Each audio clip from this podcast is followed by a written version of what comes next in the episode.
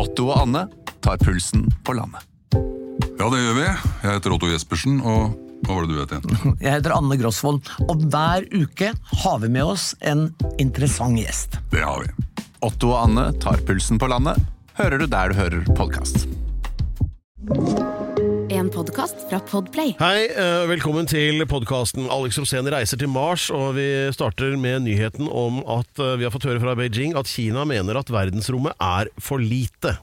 Ja, Det er vel det eneste landet i verden som mener det. Hvordan har de kommet fram til det? Hvor, hvor stort vil de at det skal være, egentlig? De vil at det skal være mye, mye større. Ja, men hva, Da må du ringe Tom Mathisen, for han sier jo det at eh, ingen vet hvor stort det er. Og ingen vet hvor gammelt det er. Men Kina De, mener det er for lite. De har synspunkter på dette her. Ja. ok, Men, nei, men hva, hva er ligger bak det utsagnet? Det, det som ligger bak, er jo dette Starlink-prosjektet til eh, SpaceX. Ja. eh, hvor de skal altså lage internett over hele verden. Og hvor alle skal få tilgang til nettet. Ja. I Kina så vil det da komme flere satellitter ut i verdensrommet som vil gi eh, internett uten sensur. Ikke Ja. sant? At kinesere kan lese hva som egentlig skjer i verden, og det vil ikke ledelsen. Så Derfor så mener de at det, dette verdensrommet er altfor lite, Ja. så vi må få fjerne disse Det er som det alltid er. Kina vil ha det for seg selv. Det er som når det er flere, eller mange unger i baksetet på en bil og bare én godtepose, så Kina er den ungen som vil ha alt for seg sjæl. Alex Rosén reiser til Mars.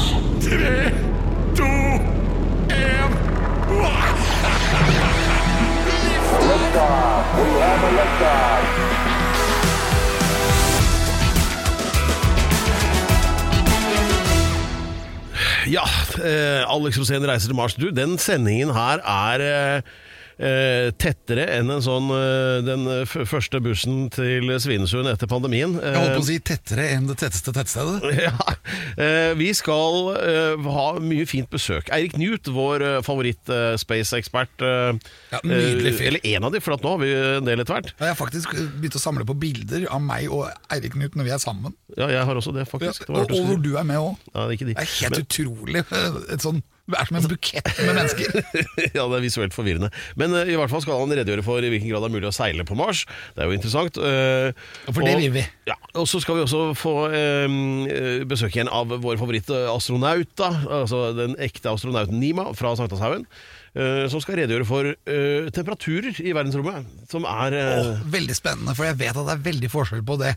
Ja, det er, eh, det er voldsomme greier. Og Ja, det er du veldig må- varmt inne i sola, f.eks. ja, det er ingen tvil om, men eh, dette er ting du må forberede deg på når du skal ut og farte. da. Ja, Men vi vet jo det at skyggesiden om natta så er det kaldere enn når solen står og steker. Ja, Sånn er det for så vidt på kampen også, men eh, det er merka på når sola går ned. Men eh, så er jo da denne lista da over 100 grunner for at du skal bli plukket ut og reise til Mars. Ja. Vi skal kåre ukas tettsted. Eh, vi skal fortsette jakten på Elon Musk, eh, som allerede begynner å bære eh, en god del frukt. Er du ikke enig? Jo, jo, jo, absolutt. Ja. er, jeg har funnet flere personer faktisk som kan være vår link inn til han. Eh, ja. Uh, er, ja det, dette var ganske mye, nå husker jeg ikke helt hva alt jeg har nevnt. Ja, og Dessuten har han kommet med et par nye oppfinnelser, og en av de innebærer premieren på et helt nytt ord. Et, et nytt ord. Ja, Som aldri har vært sagt på radioen før, og det skal vi si i, i, i denne sendingen. Og du gleder deg litt? Ja, jeg tenker at dette er min en historisk podkast. ok, ja, det tror jeg. Hva skjer på Mars i dag? Og vi skal utenriks og vel så det, for da skal det handle om ting som skjer ute i verdensrommet. Og du, Alex, har jo blitt som en sånn øh, egen utenriks- eller space-redaksjon. Og samler øh, ja, Det er mye som foregår der ute, skjønner jeg. Ja, jeg er veldig interessert. Altså, det, er, det er noe som skjer hver eneste dag. Enten så er det en satellitt som har funnet veien til månen, Ja. og som er ikke kollisjonskurs. Eller så er det et nytt teleskop som er satt ut langt ute i verdensrommet. Ja. Eller så er det noe romsøppel som er på avveie. Ja. Eller så er det da en ny utskytning fra SpaceX. Ja, så og de skyter ut en rakett i gjennomsnitt hver uke. Og de gjør det. Ja, det gjør det. Ja. Og det var en ra- rakett i, i for, forrige uke. Men det som er spennende nå, er hva som skjer på Mars nå. Og Ja. det som skjer på Mars nå, skjer egentlig på jorden. Er ikke det spennende? Det, hva vil det si? Det betyr at eh, en del av Mars-programmet som er på vei mot Mars, skal ha premiere i mars. Altså Mars får, fe- får på en måte premiere i, i mars! er ikke det kult? Ja, Det må du forklare litt nærmere. Ja, for det, Vi har en måned som heter mars. da Ja, det veit jeg. Og da skal eh, SpaceX eh, for første gang skyte ut Starship, som er dette skipet som skal hele veien til Mars, som skal ta med meg til Mars. Ja. Eh, og så eh, skal det kjøre for første gang en runde rundt jorda, og det skjer i mars. Ah, de skal ut og prøvekjøre kjerra! Ja, da kan vi ha fest! ja. Skal ut og teste terrengegenskapene Ja, på den. for det eneste de har testet hittil, Ja. det er utskytninger opp til skylaget, for å se Ja. at den justerer seg riktig, Ja. og så lande igjen. Så den har ikke brutt barrieren altså ved å dunke ut i verdensrommet. Nei, så, ok, så Vi skal få én orbit. Men da er det folk om bord, ikke sant? Eh, Det tror jeg ikke. Nei, Det, fordi at dette skipet har ikke vært eh, forsket nok på, og fortsatt så er det et par ulykker som kan skje, så de vil jo ikke miste menneskeliv. Så de prøver på denne utskytingen ikke å ha med mennesker. Jeg tror ikke det er det, men vi kan dobbeltsjekke det med han Eirik Newt. Så da skal den rundt planeten. Tror du Kina kommer til å sende opp en rakett for å øh, rappe den når den passerer over Sør-Kina-havet? Nei, det tror jeg ikke, men jeg tror nok de følger med. Ja, det kan, sitter der med hver sin kikkert alle sammen. Ja, men du så jo Russland, de skjøt jo ut en eh, satellitt her. Og da ble både Elon Musk og Kina og USA litt for forbanna. Fordi, det skapte masse problemer pga. at det ble veldig mye eh, søppel, altså debris, altså vrakrester, Ja. eh, som da v- gikk hver sin vei. Og som ikke var kontrollert. Så da må man finne alle vrakrestene etter den eksplosjonen, og finne ut hvor er det disse delene tar vei, for at ikke de skal krasje Ja, for de kan gå komme susende i høy fart og rett gjennom sørveggen på Mir f.eks. Og, Ja, og, ja. og det blir jo veldig problematisk. Ja, ja, ja. Men ja, Så nå har vi fylt opp verdenshavene med plastikk, sånn at delfinene stryker med, og da begynner vi å fylle verdensrommet med skrot. Ja, øh, men ikke med skrot, da, men med øh, satellittdeler. Men Ja. det kommer til å komme en opprydningsaksjon her og her også. Ja. Nei, det er litt sånn som mutter'n alltid sa, altså, de, du må rydde opp etter deg for hver gang du driver med noe. Ja, for Hvis vi går langt tilbake i tid, så husker vi det at eh, Elon han skjøt jo ut en rakett med en Tesla på Ja. toppen. Sånn at den ble bare satt ut i verdensrommet. Og den, Den spiller er jo Bowie på, på kassettspilleren om bord. ja, kontinuerlig. Space Oddity. men det som er veldig spennende, er det at eh, han har tenkt å plukke den ned igjen. Med en space cleaner.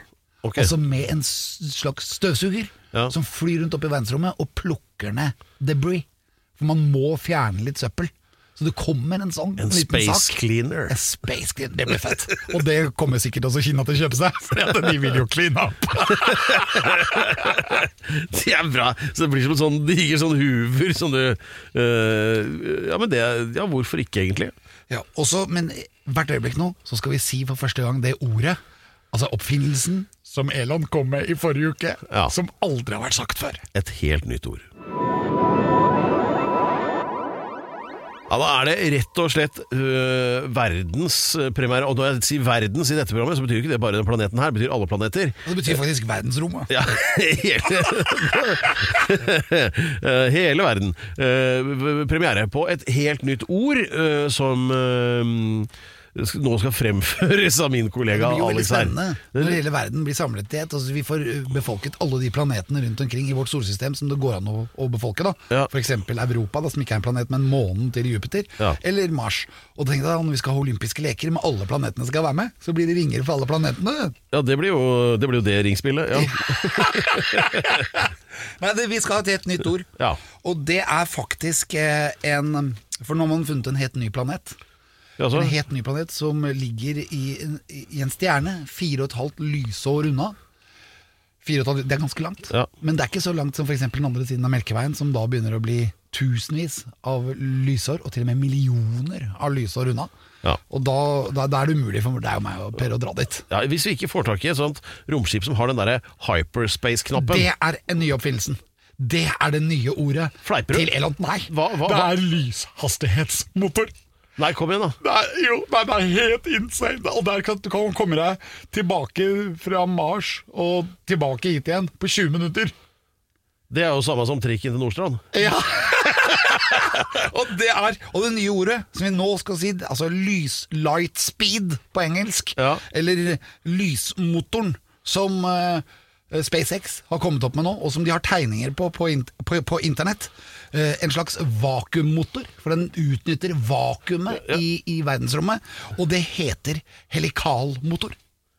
Helikal. Heli helikal. Helikal. Og det høres ut som noe sånn altfor sunt, noe som jeg ikke har lyst på til middag. Men uh, helikal. Helikal, ja. Så hvis du er hypp på å reise helikalt dit, så er du liksom Ja, det er jo sånn helikal. Det er den farten du oppnår vanligvis når det er din tur til å ta regninga i baren på vei ut. Men eh,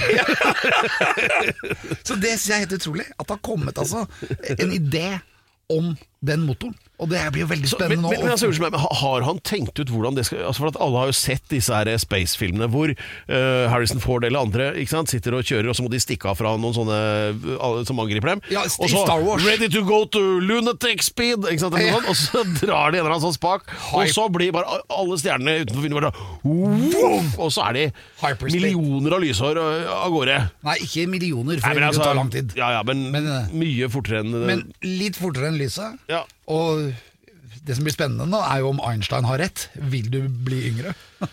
ja, altså eh, og, Kommer du- frem, så er hele studioet er babyer. Ja, for da begynner, ja, ikke sant, sånn Rare ting begynner å skje. Du, det er jo sånn at uh, Når du kjører, så ser du baksiden av tingene du ikke har kommet fram til ennå. Sånn. Ikke sant, du tar igjen det Ja. som var deg før.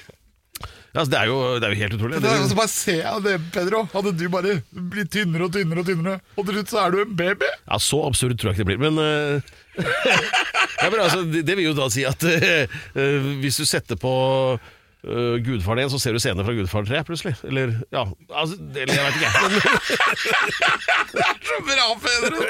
Du var så fantastisk. men hva, hva, het, den- hva, hva het den motoren? Helikal. Tenk deg når du får en sånn i Teslaen din, da. Ja. Og får blålys i speilet, da veit jeg hva du gjør. Ja, da jeg ha blålys Rett på den røde knappen. Oppdal på ett sekund. Men er det sånn at de kan bygge en sånn motor, eller? Ja, eller er det bare sånn at det er teori? Uh, nei, uh, Altså jeg lurer litt på han. Elon Musk. Er, det liksom, er han en sånn tegneseriefigur, eller er det noe real? i?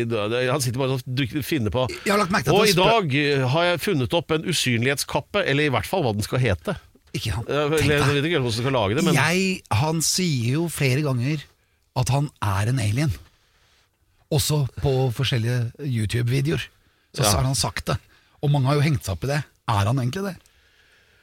Eh, Ok, så det, det, det, det er ko-ko eller, Han altså, har, det er- jo, han har jo vært ute før og ment at pyramidene er alien landing sites. de, er, de er ikke det, vet du. Du vet det. Jeg, vet ingenting. Jeg, jeg, jeg, jeg, sier som Sokrates, den store filosofen Sokrates. Ja. Det eneste jeg vet, er at jeg ikke vet. Uh, ja, det har noe dekning for, for så vidt. Men, uh, men altså, en helikalmotor, den gjør at uh, du kan reise over lyshastigheten. Ja, Det er i hvert fall det den sier. Og, men så er det jo det med Elon Musk, han erklærer jo gjerne ting at eh, Og dette skal vi bygge innen Og så et eller annet. Ja, det er det jeg, jeg driver og leter etter den nå. Når er det den skal stå ferdig? Jeg er veldig på å prøve. Tenk deg den actionen, da! Setter det på en gammel Mazda. og Ja, da er du nødt til å ha en ganske bra sånn trykkdress. Ja, det tror jeg. Men herregud, så fett. Ja, for det er det som trengs. Og da plutselig så kan man jo begynne å krysse galaksene og, og, og sånt noe. Ja, Og så er han veldig opptatt av kvantemekanikk, og da snakker vi om en helt annen type matematikk. Så de driver jo og jobber iherdig med å lage en kvantemekanisk datamaskin. Ja, eh, og dette er ganske relevant. Altså, da gjentar vi i dag, og ukens ord er Helikal! Det er den motoren du er hypp på å ha bak på båten din. Og, eh, men fordi reisetidene i verdensrommet de er ubehagelig lange, og en som vet litt om det, det er en som faktisk driver med det, og farter rundt, det skal i hvert fall det snart. Nima Shahanian, som er fra Sagnashaugen og er eh, russisk astronaut, eller kosmonaut, og skal ut i space. Og norsk. Ja, Han skal utdype reisetider in space her hos oss nå. Du vet jo at hele denne podkast-greia Det er jo en sånn eh, test på din endurance. Altså, Er du skikket til en så lang reise som til Mars? Ja, har jeg stamina, tenker Ja, jeg. jeg, noterer her på den lappen hver gang du, du, du, du døser av litt. Grann. Ja. Der er det ingen streker foreløpig, så du er ganske våken. ja, men det kommer vel til å gå via autopilot, stort sett, tenker jeg. Ja, Nå skal vi ikke drive med tullprat, for at nå har vi fått besøk eh, igjen, og det er vår favorittastronaut Nima er tilbake. Nei! og det er en ekte astro eller si, eh, astronautkandidat, da, som det egentlig heter. Ask. Ja, men du skal til månen, og til romstasjonen, og til eh, Ja, ja, ja, Du skal ikke til månen? Jeg, takker ikke nei, men jeg skal til romstasjonen. og dette er jo ikke tull. eh, Og dere har kanskje hørt eh, Nima her i tidligere episoder, men han har i hvert fall peiling på hva det dreier seg om. Eh, og et, en ting da som i ledd i forberedelsen av deg, Alex, da, til denne turen. Eh, vi har hørt nemlig Nima, at det der for Alex å reise til Mars Det dreier seg om en sånn åtte måneders es- eskapade, eller noe sånt, men du sier at det stemmer ikke helt.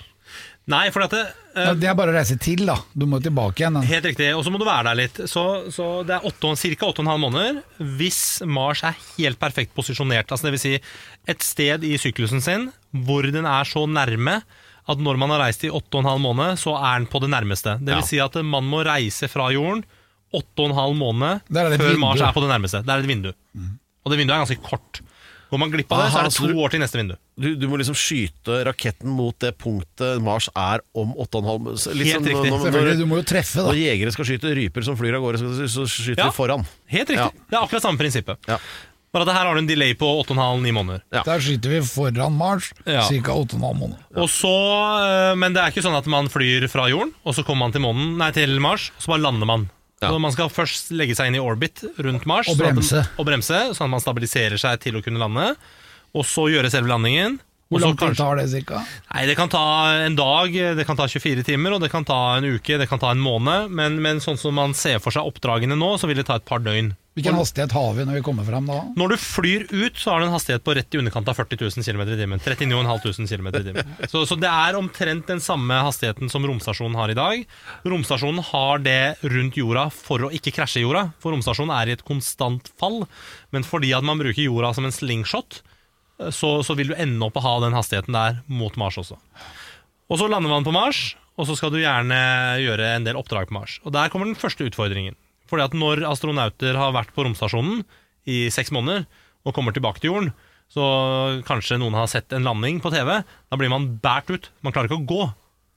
Og da er spørsmålet, for det er det ingen som tenker på, folk tenker at ok, vi lander på Mars, og så bare går vi ut av romstasjonen. Eller ut av Ja. romskipet. Ja. Det er ikke helt sånn det funker. Du må rulle ut. Du må rulle ut på en rullestol, Ja. med, eller bli båret ut av de som ikke er der for å bære deg ut, for du skal jo være den første. skal du Du må ha med bærere, da. Ja, og de må også akklimatisere seg. Være, poenget da, er at bare der så bruker du litt tid på å akklimatisere.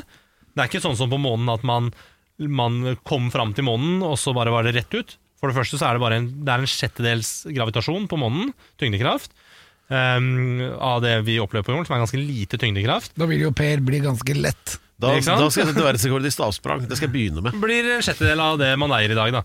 Eh, Men da man reiste til månen, så var man bare ute og reiste i tre dager før man nådde månen. Så, så man, altså, beinmuskulatur og sånn hadde ikke blitt borte ennå. Man kunne fint gå, også på jorden.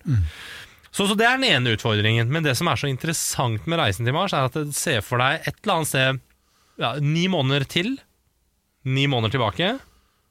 Snakker ganske lang tid allerede der. Og så der. må ikke du jo vente på vinduet. Og så må du vente vindu. på vinduet, og så skal du være på Mars og gjøre en jobb. Så man snakker et eller annet sted mellom tre og fire år på et sånn type oppdrag. Men jeg ser at Musk han har lagd en sånn derre greie hvor Starship, da, som er dette skipet som skal gå, går ut, og så kommer et Starship til som legger seg ved siden av, og så kommer et Starship og legger seg på andre siden, og så bindes de sammen Ja. med en slags sånn leider, mm. dokke, dokkegang eller noe, Ja. og så skal de veive rundt og lage et artificial tyngdekraft. Og det er også veldig, det er veldig på et teoretisk nivå foreløpig, for det er egentlig ganske problematisk å gjøre det. Og det er en helt egen episode på hvordan det vil påvirke kropp og sånn. Og det er slett ikke sikkert at det funker.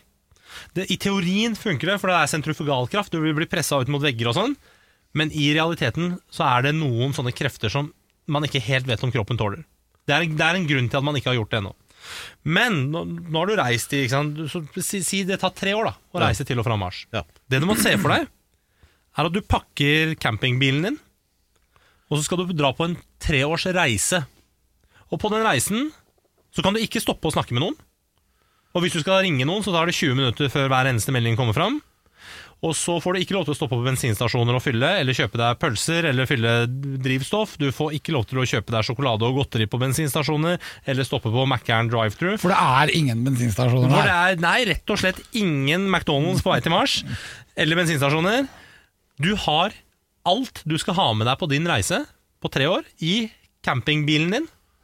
Det skal du ha med deg uten noen mulighet for etterforsyning. Går du tom for vann, så er du tom for vann.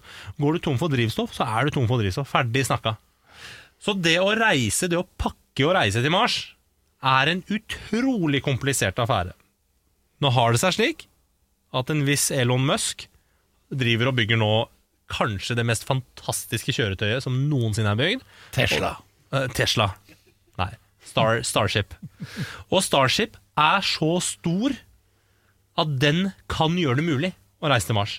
Mens de rakettoppskytningsplattformene vi har hatt i dag, altså rakettene og romskipene, kunne man aldri reist til Mars med. For ja, de er for Du, små. du får ikke plass til alt du behøver, rett og slett. Rett og slett. Ja. Men Så vi så, lager, blir det da lagd en romstasjon da, når vi kommer fram, som kan gå rundt Mars? Nå er, nå er selve det, det skal man gjøre rundt månen. Altså man, man skal lage en romstasjon rundt månen i 2024 eller 2026, eller det, det, diskuterer, det er ikke lenge til, som heter eh, eh, så mye som Gateway. Gateway er under bygging nå av NASA. Den skal gå rundt månen i det man kaller en halo orbit, som er en ikke helt sånn rundt eh, sirkel rundt månen. Halo. Den er halo. Halo, ikke sant? At den går liksom langt ut, og så inn igjen. Litt sånn som Plutos bane rundt solen. Helt, helt korrekt. Du har og ganske det, peiling. det, blir, det blir den bensinstasjonen du etterlyste. Altså, Det blir bensinstasjon. Må du stoppe og kjøpe en pølse på Og veien? med fremtidens kommersielle programmer, så har man, eh, så har man Mac-eren på de. Ja, det ser jeg faktisk der, i, I dag to wienerpølser for halv pris. Ikke sant? Men, men, så, så det blir nok en romstasjon, men de første eh, Mars-ferdene blir nok ikke noen romstasjon. Ja, men kan man ikke, Kunne de ikke gjort sånn som, øh, sånn som øh, øh, disse explorerne på Syd- og Nordpolen gjorde, å legge ut depoter øh, underveis? Det, man snakker om å gjøre det når man reiser til Mars, å sende opp ubemanna depoter. Det gjør man- vi jo på månen. Vi har allerede begynt å plassere ting på månen som klargjør oss til en måneferd. Som er depoter med, med mat og kanskje til og med drikke, men, men, men verktøy, utstyr, en del av de tingene vi skal slippe å ha med oss på selve reisen. Ja. Og det kommer vi til å gjøre. Vi er totalt avhengig av å gjøre det på Mars. Ja, ja. Men det vi også er avhengig på Mars, er å enten finne en måte hvor vi kan ta med oss nok drivstoff til å komme tilbake, eller gjøre som månen og finne is på Mars, nok is på Mars, til at vi kan bore det ut og lage drivstoff av det, sånn at vi kan fly hjem igjen. Kan man lage drivstoff av is? Ja, hydrogen. Hydrogen der, vet du. Og jeg så fuel cell øh, H2O. H2O. Og det er noen norske selskaper som jobber med hybridraketteknologi, som eh, i dag, som, som er fryktelig interessant teknologi til de tingene her. ja. Ja, nei, uansett, øh, det er ikke noe kortreist øh, opplegg dette, Alex. Så fire år, og det er jo også sånn at når vi beregner reisetida til Alex, så har vi noe som heter Alex Moms, når han sier at han jeg er på vei, jeg er der om ti minutter. Det betyr 28 minutter. Det har jeg regna meg fram til gjennom flere tiår. Det er ca. formelen ganger 2,8. Så det er um, fire år. Det blir da altså uh, Ja, hva blir det? Det blir øh, cirka Matte er ikke så lett. Ti og, ti og et halvt år, da. Ti og et halvt år. Det er ingen som har påstått at dette skal bli lett. Jo, du.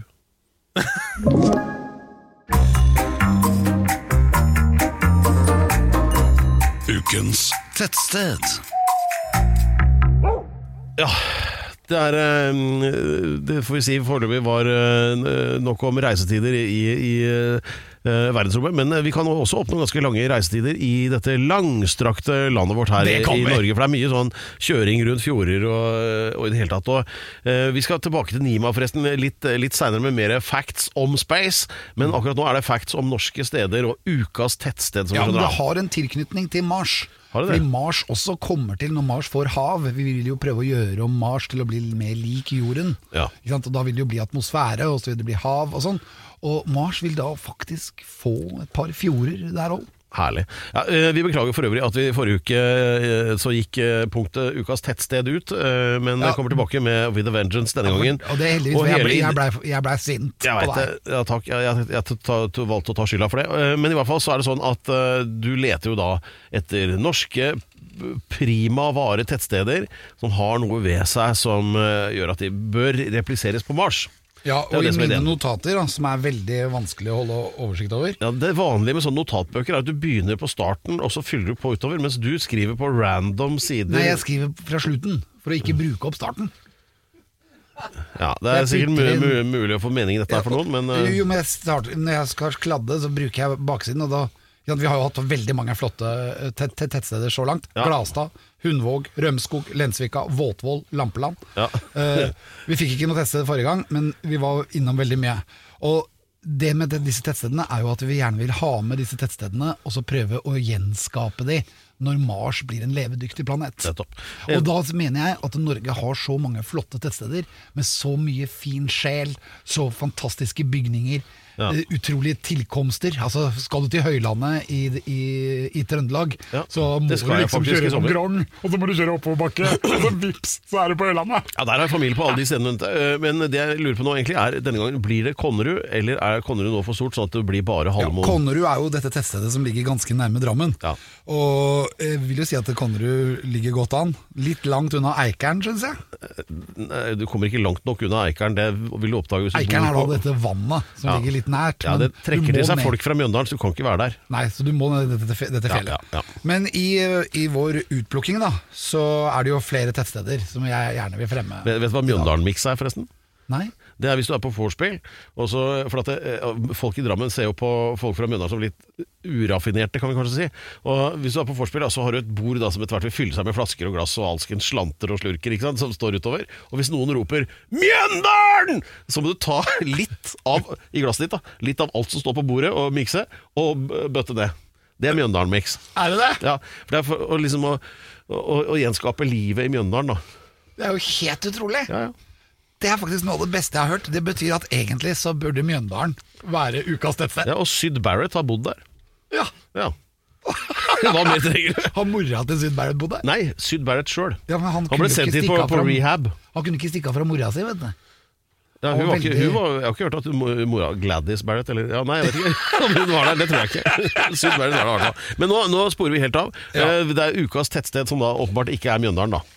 Ja, men, i- da vil jeg legge så hadde jeg veldig lyst til å kåre det, men vi kan kåre det neste gang. Kanskje det. Nei, ukas tettsted er eh, ikke Nesseby heller, Nei. for det også har ligget veldig nært. Nei. Det er jo et fantastisk sted med noen utrolig flotte badevann som Ja. man kan bade om sommeren. Da beklager jeg til alle dere som har satt penga på, på Betson på Nesseby.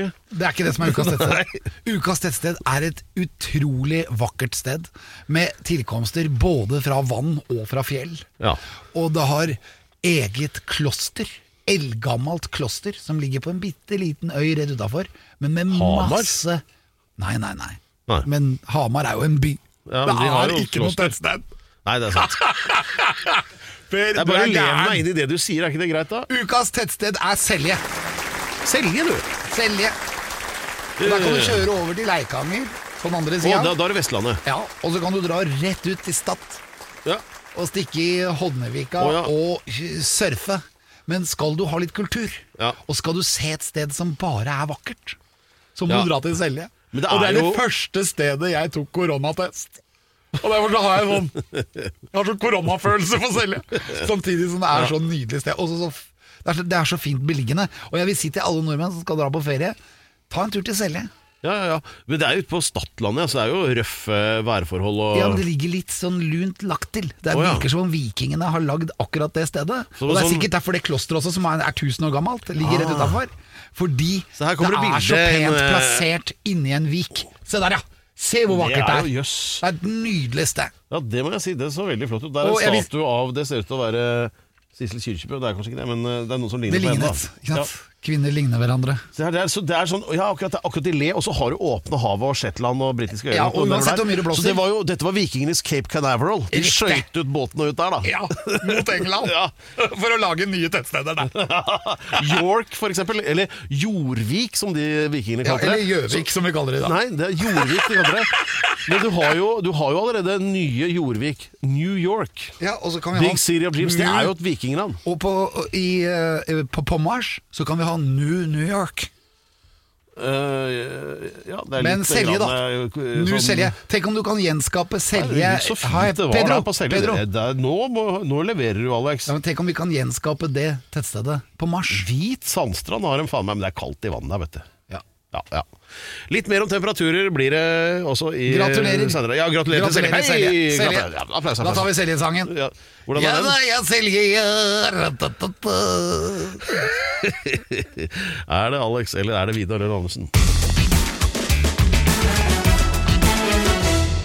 Universet er jo som kjent en uendelighet av stjerner og planeter. Ingen vet hvor stort det er, eller hvor gammelt det er. Og det eneste vi vet, er at eh, temperaturforholdene er eh, veldig skiftende. Det er verre enn på Sunnmøre. Det går opp og ned som en vareheis absolutt hele tida. Og eh, dette er jo noe du skal forberede deg på også, Alex. Og nå har vi sjansen til å spørre Nima, da. Hvordan er det egentlig? Ja, for det er veldig viktig å vite. Jeg anbefaler som reisemål f.eks. California, for der er det mellom 26 og 28 grader hele tida. Det er deilig. Det er det ikke i verdensrommet. Nei. Nei, men jeg må bare si noe. Nå prøver jeg ikke å være sånn kverulant, men vi vet hvor gammelt universet er, altså. Ja, Det er 14,5 milliarder år. Ja. ja, det er det. Ja, ja. men man, det, er ingen, det er ingen igjen av de første stjernene. Nei, det, det er, og det er det ikke. Men man har, man har funnet én planet ja, nå følte som jeg meg som han er duste i klasserommet. Nei, det er helt står, det det står i Bibelen at det er 4000 er år. Nei, ja, men det er veldig bra. Jeg syns det er helt fantastisk. For at Pedro tror ikke på noe av det jeg sier. Nei, men, men, det- men Pedro har jo nå vist gjennom to episoder at han har egentlig ganske peiling. Jeg måtte bare korrigere. Med all respekt. Universet er 4000 år, det står i Bibelen. Ja, Ja, nemlig. ja, men, ja, men, nei, men det er 14 milliarder år. Men det er førstegenerasjonsstjerner er det ingenting igjen av. Nei, de er borte. Det er, og andregenerasjonsstjerner er det heller ingenting igjen av. Ingenting. Nei. Men Men, man har funnet en planet mellom galaksene mm. som man tror kanskje er annen eller tredje generasjon. Ja. Og den er fryktelig gammel. Den er rundt 13 milliarder år. Og den tror vi, altså de stjernene, de tror vi at vi kan se med det nye romteleskopet, som går litt utenfor månen, nå om et halvt år. Ja, De skal bytte ut det der Hubble-teleskopet. Nei, de skal ikke bytte den ut, de skal Å, nei. supplere. Supplere, ja. Ja. Betyr Hubble så han skulle får vært død ett for til. lengst, men ja. Ett til, Pedro. Og jeg tenkte at jeg skulle låne det Hubble-teleskopet, så at Ja. jeg endelig får lest de der forsikringsvilkårene på den der. Men eh, Ja, men det var veldig Men nå sa jeg helt ut, det Ja, var ikke men meningen å kverulere. Nei, men Det dreide seg om grader, egentlig. ja, Ja. Og når, man, temperatur. når vi skal ut i verdensrommet, du skal ut i verdensrommet, jeg skal ut i verdensrommet, hvor varmt eller hvor kaldt er det der? Eh, det som er litt spennende med verdensrommet altså Her på jorden så er vi jo inne i den der eh, glasskula vi kaller atmosfæren, sant? som sørger for å regulere og holde på temperaturen vår. Men innenfor atmosfæren er også ganske unike krefter. Altså. Du skal ikke veldig langt opp før vann koker på ti grader og sånn. Ikke sant? Det er noe sånn som 10 000 fot. Det. Eh, Ja. Nå snakker med Eirik Knut eller noe, de, de har peiling på disse tingene. Poenget er at når du kommer ut i verdensrommet, så har du jo veldig lite molekyler. Luft, oksygen, ulike typer gasser osv. Du er i et totalt vakuum. For mange så er det veldig vanskelig å ta det her inn over seg. At verdensrommet er ingentinghet. Fravær av alt. Det er fravær av nesten alt. Det er noen partikler her og der, Ja, men og antimaterie. sett antimaterie. antimaterie, som vi prøver å finne ut hva er. Hva er dette Det er motsatt av materie. Og det er ganske, Hva er det motsatt? Hva er ingentinghet? Ikke sant? Hva er det motsatte av materie? Det er, det er, det er som mattestykke. Pluss og minus. Bare at antimaterie er minus. Og nå skal jeg passe riktig. på å ikke spørre ikke om eh, svarte hull, for da har vi det gående ei uke Da det til. Ja. Men tilbake til temperatur. da Så har det seg slik at Den lufttemperaturen vi kjenner på i dag, er jo disse molekylene av ulike gasser som endrer temperatur rundt oss, på hvordan de beveger på seg, hva slags friksjoner, og hvor mye, hvor mye de, de beveger på seg, eller hvor mye de er rolige osv. Og så har vi jo vann og fuktighet som endrer form. ikke sant? Luft, altså Vann blir litt flytende form, gassform når det er damp, fast form når det er is osv. I verdensrommet så har du ikke de materiene der. Så det vil si at den eneste temperaturen du har, er det man kaller for overflatetemperatur. Så når en astronaut er ute i verdensrommet med romdrakt, som man ser på film eller TV eller whatever, og sola skinner på den ene siden, så vil den solsiden være mellom 100 og 200 varmegrader Hey, Ja. Mot sola, ja. mot sola. For den drar Mens- på så sinnssykt. Helt riktig. Men Mens- det merker du gjennom romdrakten, da? Nei, det gjør du ikke. Nei. For den er så mange lag at den er der blant annet for å beskytte deg, ikke bare mot vakuum av verdensrommet og trykkforskjeller og den type ting, men vel så mye temperatur. Og oh. skyggesiden din er da motsatt i kulde. Altså minus 100-200 kuldegrader. Og dette her er bare fra den ene sida av kroppen til den andre. Sam, på samme tid. Ah. Så vanligvis er det 100 grader pluss og 100 grader minus. Det kan svinge til nesten det dobbelte, men vi snakker om en differanse på minimum 200 grader da, fra høyre- og venstresiden din. Det høres litt slitsomt ut. Du kjenner ikke så mye til det, men det er kanskje viktig å huske å ta ned gullbelagte visiret sitt, f.eks. Når sola begynner å skinne. Eh, Jeg har hørt at når man er på mørkesiden av jorden, når man f.eks. går i bane rundt jorden, og astronauter er ute og jobber, mørkesiden, da må man skru på lykter og lys og den, den slags, men visstnok litt mer behagelig. Men den sola blir plutselig veldig mye sterkere. Så må vi huske at sola er ikke gul, ikke sant? Sola er jo Hvit. Det er hvit med litt grønnskjær i, men ganske sterk hvit. Og den ser man som hvit fra verdensrommet fordi at du ikke har noen atmosfære som bryter lyspartiklene og endrer fargen på den til det behagelige, varme lyset vi kjenner her på jorden. Ja. Det er ganske store krefter det er snakk om. da Ja, men, eh, men så lenge det er sånn at uh, du ikke merker forskjell i drakten, så er det jo ikke noe problem sånn sett, er det det? Så lenge drakten funker som den skal, og kjølesystemene funker som den skal. Altså hvis, du, hvis du ser bilder av meg, jeg legger ut en del av de tingene her på Instagram, og sånn, så har jeg på meg en ganske sånn dustlignende smurfedrakt med masse sånn rør i, som er min airconditioning-system. da så, Som gjør at jeg kan regulere min egen temperatur. Så lenge man har mulighet til å regulere temperaturen i romdrakta, og alle systemer går som det skal, og visiret er nede og sånn, så merker du ikke noe til det. Hvilken temperatur liker du best? Jeg er sykt varmblodig, så, så når, når jeg trener i simulator med romdrakt, så har jeg alltid på det aller kaldeste. Og så hører jeg de legene som, som sitter et panel med fire, fem, seks, ganske mange leger, og følger med på min telemetri, altså hva som skjer i kroppen min. Det, de sitter og følger med til enhver tid. Og da pleier de å spørsmål, Samme spørsmål går om, de, de klager aldri på pulsen min eller blodtrykk og sånn, det er jeg alltid happy med, men, men de synes de stusser over at jeg har det på det aller kaldeste. Hvor, og hvor varmt er det? Nei, altså Når jeg har på det aller kaldeste, så svetter jeg fortsatt halvannen eh, liter. Jeg går ned halvannen kilo i vekt eh, på fire-fem timers øvelse i romdrakt. Så jeg skjønner ikke hvordan man kan ha det noe varmere enn det. Jeg, jeg synes, på det kaldeste så syns jeg fortsatt det er sykt varmt. Ja, er det, er det ca. sånn 15 grader? Nei, nei, nei, nei, nei. I romdrakta på det kaldeste når, når jeg har på det kaldeste, så tipper jeg det er 25 grader inni romdrakta. Ja. Tipper jeg da, men sikkert helt feil. Ja. Det er, det er enkelte hindre som skal overstiges, Alex, for å eh, oppnå status som astronaut. Men det er meg. ingenting av dette som eh, skremmer deg fra prosjektet. Nei, bare bli enda mer lyst. Enda mer gira. Nå Ja. må vi, ja, nei, men Det er fint å gå ut på en high note. Uh, Nima, hjertelig takk for denne gang. Jeg takk vet at at vi kommer til å se mer til deg fremover, for uh, du er jo ikke helt ferdig utlært ennå, Alex. Vi kan jo ikke si det. Nei, jeg, jeg drar jo ikke i morgen, Nei. men kanskje over i morgen. Jeg skal være rådgiveren. Kanskje i overmorgen. Det blir overskriften på denne episoden. 100 grunner til at Alex Rosén Du må ikke hoste når jeg lager jingle. Ja, har du kostet? Nei, eh, 100 grunner til at Alex Rosén bør velges ut eh, på den aller første ferden til Mars. Det er, navnet, det er kort å finne i navnet på dette innslaget. Eh, du oppgir jo hver uke en ny grunn til at nettopp du bør velges ut. Det skal være 100 til sammen. Vi startet da av åpenbare grunner på 100, hvis ikke ville det blitt forvirrende. Eh, og foreløpig så var det da nummer 100 var altså at du mener at du har gått a- arvemateriale? Og målet at, at vi skal komme frem til grunn nummer én. Ja. Helt til slutt. Ja, ja. Når vi har hatt 100 podcaster, Ja. så skal vi komme til den viktigste grunnen. tar, det tar et par år.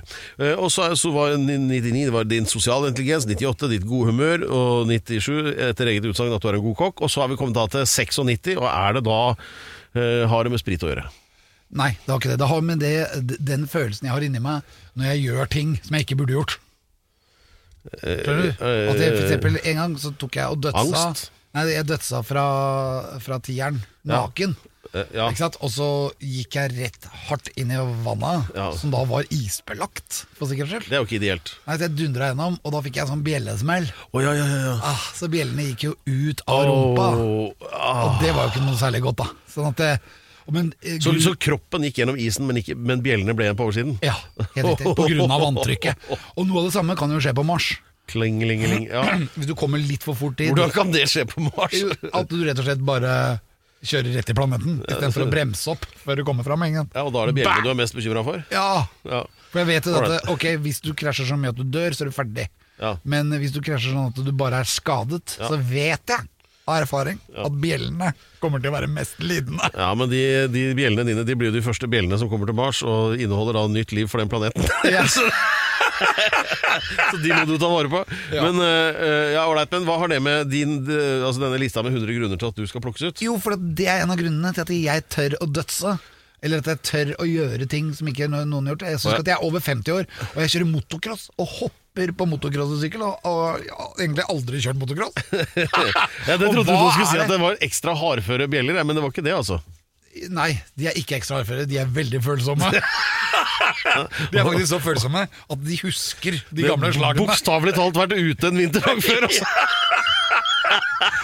Nei, Grunnen er selvfølgelig hva er det som gjør at jeg dødser fra tieren? Hva er det som gjør at jeg gjør alle disse gale tingene? Ja, det er jo litt sånn At- dårlig vurderingsevne, spør du meg, men uh... Ja, men det kan du jo kalle det. Ja. Jeg kaller det modig. ja, ok. Jo da. Ja, Jeg er modig. Per Mot. Stort personlig mot. Stort personlig mot, det er grunn 96. Ja, da har jeg ingen motargumenter. Ja, dere, en gang for lenge, lenge siden i en galakse langt, langt unna, nei forresten denne galaksen her, så, og om ikke så lenge heller, så skal vi komme til å se, en veldig blid lyslugg på vei i retning, jeg vet ikke helt hvilken retning det er, oppover antar jeg, eh, Oppover, mot ja. Mars. Det er er herværende Alex Rosén da, som er eh, det seneste tilskuddet til eh, rom... jeg ler litt, grann, men eh, for jeg gleder meg veldig eh, til eh, å høre hvordan det går, men eh, skal da til Mars. Og Erik Knut, som er astrofysiker og driver podcast om eh, temaet, som heter romkapsel, kan bekrefte at det er faktisk mulig å få det av gårde. Men så er det jo problemer også. Det er jo ikke bare å sette seg liksom, etter å ha planlagt en ettermiddag og dreie seg av gårde. Det er jo ting som må ordnes. Og nå sist så var det jo dette med å ha energi når man er der oppe. Eh, Eirik fortalte at det går an å ha et sånn lomme-Tsjernobyl, sånn der paraplyformet kjernekraftverk for å lage strøm med. Det var veldig fascinerende.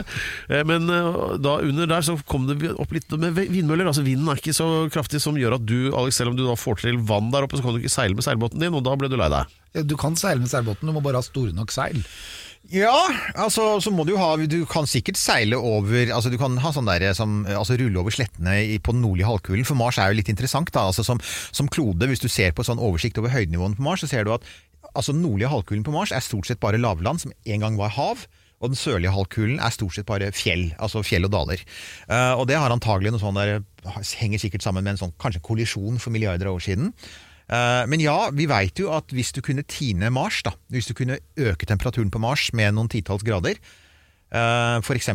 ved å kanskje ha noe sånn, gjøre den mørkere eller reflektere sollys ned, eller sånt noe, så vil du begynne, kunne begynne å tine isen på Mars. Og det er nok vann på Mars til å dekke hele kloden med 30 meter.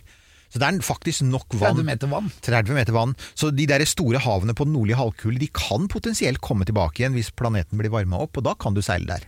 Og da vil du ha landet på den sørlige halvkule, der hvor fjellene er. Rett og slett. Det ganske så, altså på, på jorda så er jo dette litt annerledes, at, eh, og dette har nok også å gjøre med at Mars har aldri hatt kontinentaldrift, ikke sant? eller sånn platetektonikk. så det, det, det, det ble skrudd av veldig tidlig i Mars sin historie, så stort sett ligger ting der de har ligget nå i fire milliarder år, mens på jorda flytter det seg hele tiden. Så, så Mars har vært sånn veldig, veldig lenge. Men det er jo Mars må spikes.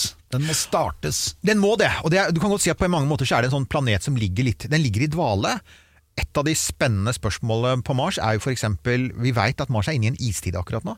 Eh, Den er kaldere enn normalt, eh, og, det henger sammen med rotasjonsaksen til Mars, som akkurat nå er litt sånn uheldig for eh, å gjøre det kaldt. Og det man lurer på er Hva skjer hvis Mars, når Mars blir varmere igjen og kommer ut av istiden? Vil vi da se mer fukt på overflaten? Og hva skjer med eventuelt Fins det f.eks. noe under bakken som lever? Altså Det har vi jo ikke kommet inn på engang, men så det er masse der. Rumlingene! Rumlingene, ja. Det er vel mere, det er nok, det er nok mer sånne der eh, ekstremofile bakterier som du absolutt ikke har lyst til å ha i et åpent sår, men bortsett fra det Ja, du, du tror det er heftige bakterier der? Ja. Altså, Man vet ikke. Det, du vet, dette er jo en sånn ting som vi vet at det, Dette er jo ikke bare teori lenger. For altså, Elon sier han skal til Mars, ikke sant? Fair enough. Altså, Det fins protokoller for dette, altså det fins regler for dette i det internasjonale samfunnet. Fordi er, For noen episoder siden så snakket jeg om FNs romtraktat fra 1967-68. Den snakker også om uh, liv på fremmede planeter. For Man var jo redd for, eksempel, for at det kunne finnes organismer på månen. Det var jo derfor Apollo-gutta satt i karantene når de kom hjem. Uh, og man, er, man tror jo fremdeles at det kan finnes bakterier på Mars. Det er ikke utelukket. Og da er spørsmålet hva gjør, hva gjør SpaceX og Elon og rakettene hans da når de lander? Uh, hvor, hvor godt skal de beskytte seg? Hvor godt skal de beskytte miljøet mot menneskelige bakterier? Snakker vi miltbrann? Altså, Vi vet ikke, og det er det som er et problemet. Det er et stort ukjent punkt. Og så sier folk ja, men det er ikke engang sikkert at det er DNA, det er ikke engang sikkert det er noe felles. Vel, det finnes jo en teori om at livet på Mars og jorda er beslektet via meteoritter. Så vi vet ikke, og derfor er det mange som sier at hvis vi sender folk til Mars, da, så må de helt garantert i karantene når de kommer tilbake igjen. Fordi at det kan, de kan jo hende de har med seg noe. Eh, og det kan få, få covid-19 til å. Eller det kan være ingenting. Det kan være helt ufarlig. Men vi vet ikke, er jo poenget. Hvor lang tid trenger man å være i karantene da? Nei, Det er et veldig godt spørsmål. da. Det vil jo ha vært en viss karanteneperiode fra du kommer, altså når du er på vei tilbake, så er du i rommet i 68 måneder. Men jeg tror likevel du, altså, vi, altså, vi får en test på dette om noen år, for at vi skal sende vi skal sende en romsonde til Mars uh, for å hente noen prøver som tas av denne roboten Perseverance nå. Uh, noen sånn prøverør fulle med, fulle med Marsjord. Uh, de skal da sendes tilbake til jorda i 2032. Og da er det jo faktisk marsjord som er hentet rett fra Mars. Da må du ha sånne karantenebestemmelser for de reagensene. Når det kommer, da er jo jeg på Mars, da. Ja, Du er jo på Mars, og du kan da hjelpe dem. Ja, ja og kan, fylle eh, opp det- det fylle opp, ja, ja, ja, Og ta med deg noen steiner hjem. Men igjen, de må, de må antagelig steriliseres. Da kan ikke du sende med noen videotaper med opptak da, med den eh, steinsamlingen ned, sånn at vi kan se hvordan du har det der? Jeg glemte, å ta, jeg glemte å ta det med, men jeg har jo en bit av Mars, jeg. Hva, skal jeg ha med Hva sånn sa du nå? Jeg har en bit av Mars. Har du det? Hvor fikk du tak i Eh, det? Det er en kompis av meg som selger meteoritter, og det fins noen sånne verifiserte Mars-meteoritter. Altså Vi vet at, for at når ting krasjer på Mars, så hender det at du flyr helt til jorda. Så det finnes faktisk en, en god del Mars-meteoritter på jorda. Altså En bit av Mars som har kommet hit for egen maskin? Ja. Ja. Hvilke grunnstoffer er det i den biten? Det er, vet du hva, det er stort sett de samme som på jorda. Den er jo, sånn, ja, det er en del jern, oksidert jern, altså rust. Eh, men det er sånn silikater, magnesium, aluminium. Altså Mars er jo ganske rik på mange av de samme stoffene som, som jorda er. Ja. Eh, så, så, så sånn sett så er det så, så det er ikke noe sånn Altså Hvis man fant en Mars-meteoritt på bakken, så vil man antagelig ikke stusse over den. Man vil jo si den ser ut som en stein, liksom. Men hvis man er geolog, så vil man se at det, det kanskje var noe rart der. Ja. Men ja, en sånn liten Jeg har bare et gram, da, for de skjærer dem jo opp og selger dem for ganske mye penger. Men, Ja. eh, men det er veldig kult, så jeg har både en bit av månen og en bit av Mars. Ja, men hvor kjøpte du den? Eh, det er, altså det fins en fyr i Norge som, eh, som selger det. Eh, og da er Det sånn som er, det er, det er verifisert av forskere, for sånn må du alltid gjøre med meteoritter. Du må alltid ha en forsker til å se på dem og si liksom at dette er legit. da Ja. Jeg har en eh, sånn liten bit av Berlinmur, jeg tror det er like mye bakterier i den. Men eh, en annen ting Og en annen ting er bare den fikk en legit, sånn- for det var mye rart der. Ja, Altså. det tror jeg. jeg. Jeg hadde tre-fire Berlin- Berlinburmiter, og etter hvert tenkte jeg dette ser bare ut som gammel sovjetisk asbest. No, noe det sikkert også var. Men, eh, men eh, tilbake til altså, disse her er farlige Nå gikk det opp for meg her. Altså, nå sammenholder vi et par ting. Altså, Kina driver jo sitt eget sånn Mars-kappløp, de, og de er jo ikke akkurat rause med informasjon, eh, kineserne. Nei, ikke. Og, og, eh, det er jo, og så skal de sikkert da opp der, og de kommer, kommer de til å spørre noen før de drar? Nei. Nei. Og så tar de vel med seg noe? Kommer de til å spørre om lov til det? Nei. Og så har vi da tidligere hatt noen erfaringer med noen viruser som kom derfra, fra noen liksom, eh, laboratorier med litt sånn dårlige forseglinger i dørene Ja. og noe greier, ikke og ikke så altfor mye informasjon som kom om det heller. Dere skjønner hvor jeg skal nå? Her er, film, her er et filmmanus på gang. Ja, jeg tenker det samme. Jeg bare tenker sånn, sånn, ja, så dette her er eh, så, sånn, sånn, sånn eh, Covid 2031, den har du ikke lyst til å møte, for å si det sånn. Ja, for det, Hvis det er noen sånne der, eh, grusomheter nedi bakken der, sånn, så kommer jo de tullingene til å tale med seg. ikke sant? Ja, altså, altså det, og dette er jo noe av det vi står overfor med hele Mars-greia, er jo selvfølgelig dette med altså at vi, nå begynner vi å se at teknologien kan komme på plass. For dette har ikke vært aktuelt veldig lenge. For, for, altså, vi, vi, vi kunne sende ting til Mars, men det var kjempedyrt og veldig vanskelig. Det var i praksis bare amerikanerne som egentlig kunne gjøre det på en trygg, og sikker måte og komme fram. Eh, men det, det som skjer nå er jo antagelig en sånn at vi får teknologien tilgjengelig. Og hva skjer da når mennesker får teknologi tilgjengelig? Jo, de pleier jo å bruke den, ikke sant.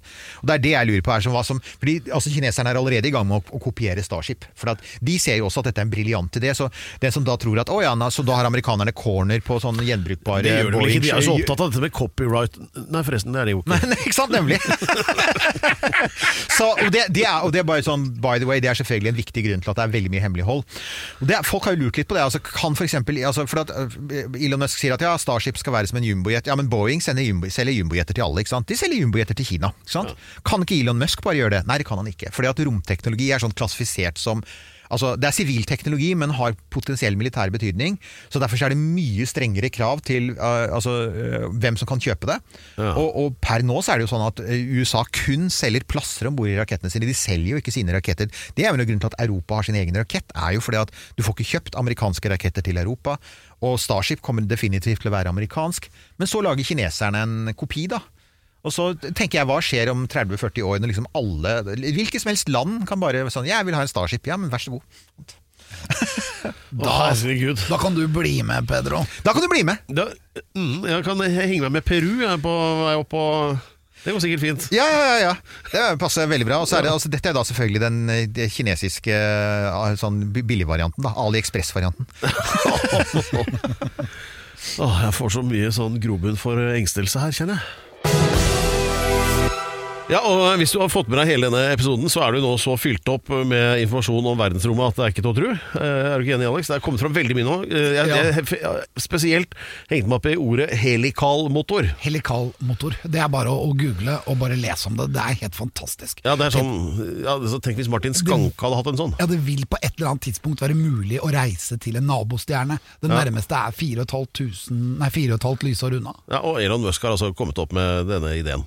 Ja, en tegning, og det ligger faktisk eh, ute en full uh, tegning på hele motoren.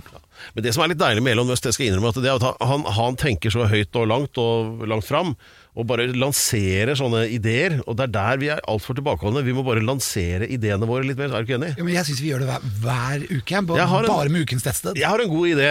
For Du snakker jo så mye om å, å bevare solenergien. ikke sant? Altså Solcellepaneler og lage strøm. Og... Veldig viktig, for at vi er, energi er veldig viktig. Det er en del av infrastrukturen på planeten vår. Og det er en del av den personlige infrastrukturen i din leilighet eller i ditt hus. Ja, ja, det er jo én ting. Men jeg gikk og tenkte på, Vi, vi prata om det på vei hit uh, før i dag. At eh, Så snakker du om at ja, man må ta en bygning og så kle den i solcellepaneler og alt mulig sånt. Ja, for vi skal lage et, en bygning som er et kraftverk. Ja, ja. Så du det er kan, istedenfor å få en strømregning, så får du strømutbetaling. Ja. Og Da begynte jeg å se for meg å ha sånn der sombrero-hatt med solcellepaneler for å lade opp øh, altså, øh, Lade opp elektriske Ja. ting som du har med deg. Eller bilen. Ja, men, men så tenker jeg at ja, ja, men det som er nærmest sola for meg, det er jo issen, og der er det jo egentlig ganske tynt. Og da tenkte jeg, hva om noen finner opp en sånn solcelletupé? Kalott. Som- En ja, altså sånn- solcellekalott. Ja, da vil jeg ha The Silvio Dante, du vet den sveisen til han eh, Little Steven i Sopranos. ikke sant? Og er det et sånt lite kraftverk oppå der, og som også er en fungerende tupé? Hva med det? Ja, Veldig bra. Og så kan du ha en liten sånn der USB-stikk under armen. ja, For at du f.eks. kan drive din personlige Miksmaster. Da, blir det, da blir det vafler, det veit jeg i hvert fall. for plutselig så er du ute i skauen, og så er plutselig er du sulten Ja. eller tørst. Ja. Og det her, eh, mine venner, det er det, dette som heter innovasjon. Innovasjon, Ja. og det dreier seg om infrastruktur. Og det kommer i neste episode Ja. Av Alex Rosén reiser til Mars. Og tenk på oss som eh, ditt eh, personlige sted å komme til gode, med gode ideer.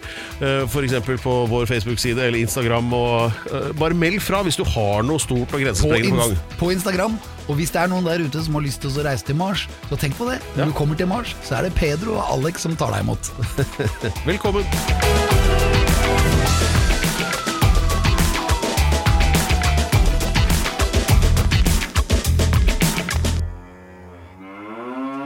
Du har hørt en podcast fra Podplay. En enklere måte å høre podcast på. Last ned appen Podplay, eller se podplay.no. Velkommen til Kjemperådet.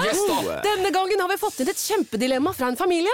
Jeg leser Hei, vi er litt uenige i familien her. Hvis du skulle vært et dyr, ville du hatt gjeller eller vinger? Oi, den er tricky. Ja, Hva ville dere hatt, da? Altså, jeg vet ikke, men Med familierabatt får de ubegrenset data fra Telenor fra 399 kroner. Da kan de jo scrolle seg til svaret, rett og slett. Ja, ok, Men for min del Ja. gjeller. Nei, nei, Gjeller? Nei. nei, vinger. Nei, nei, gjeller. Ja, okay, ja, kjempebra. Men eh, se nye mobilabonnement på telenor.no, da.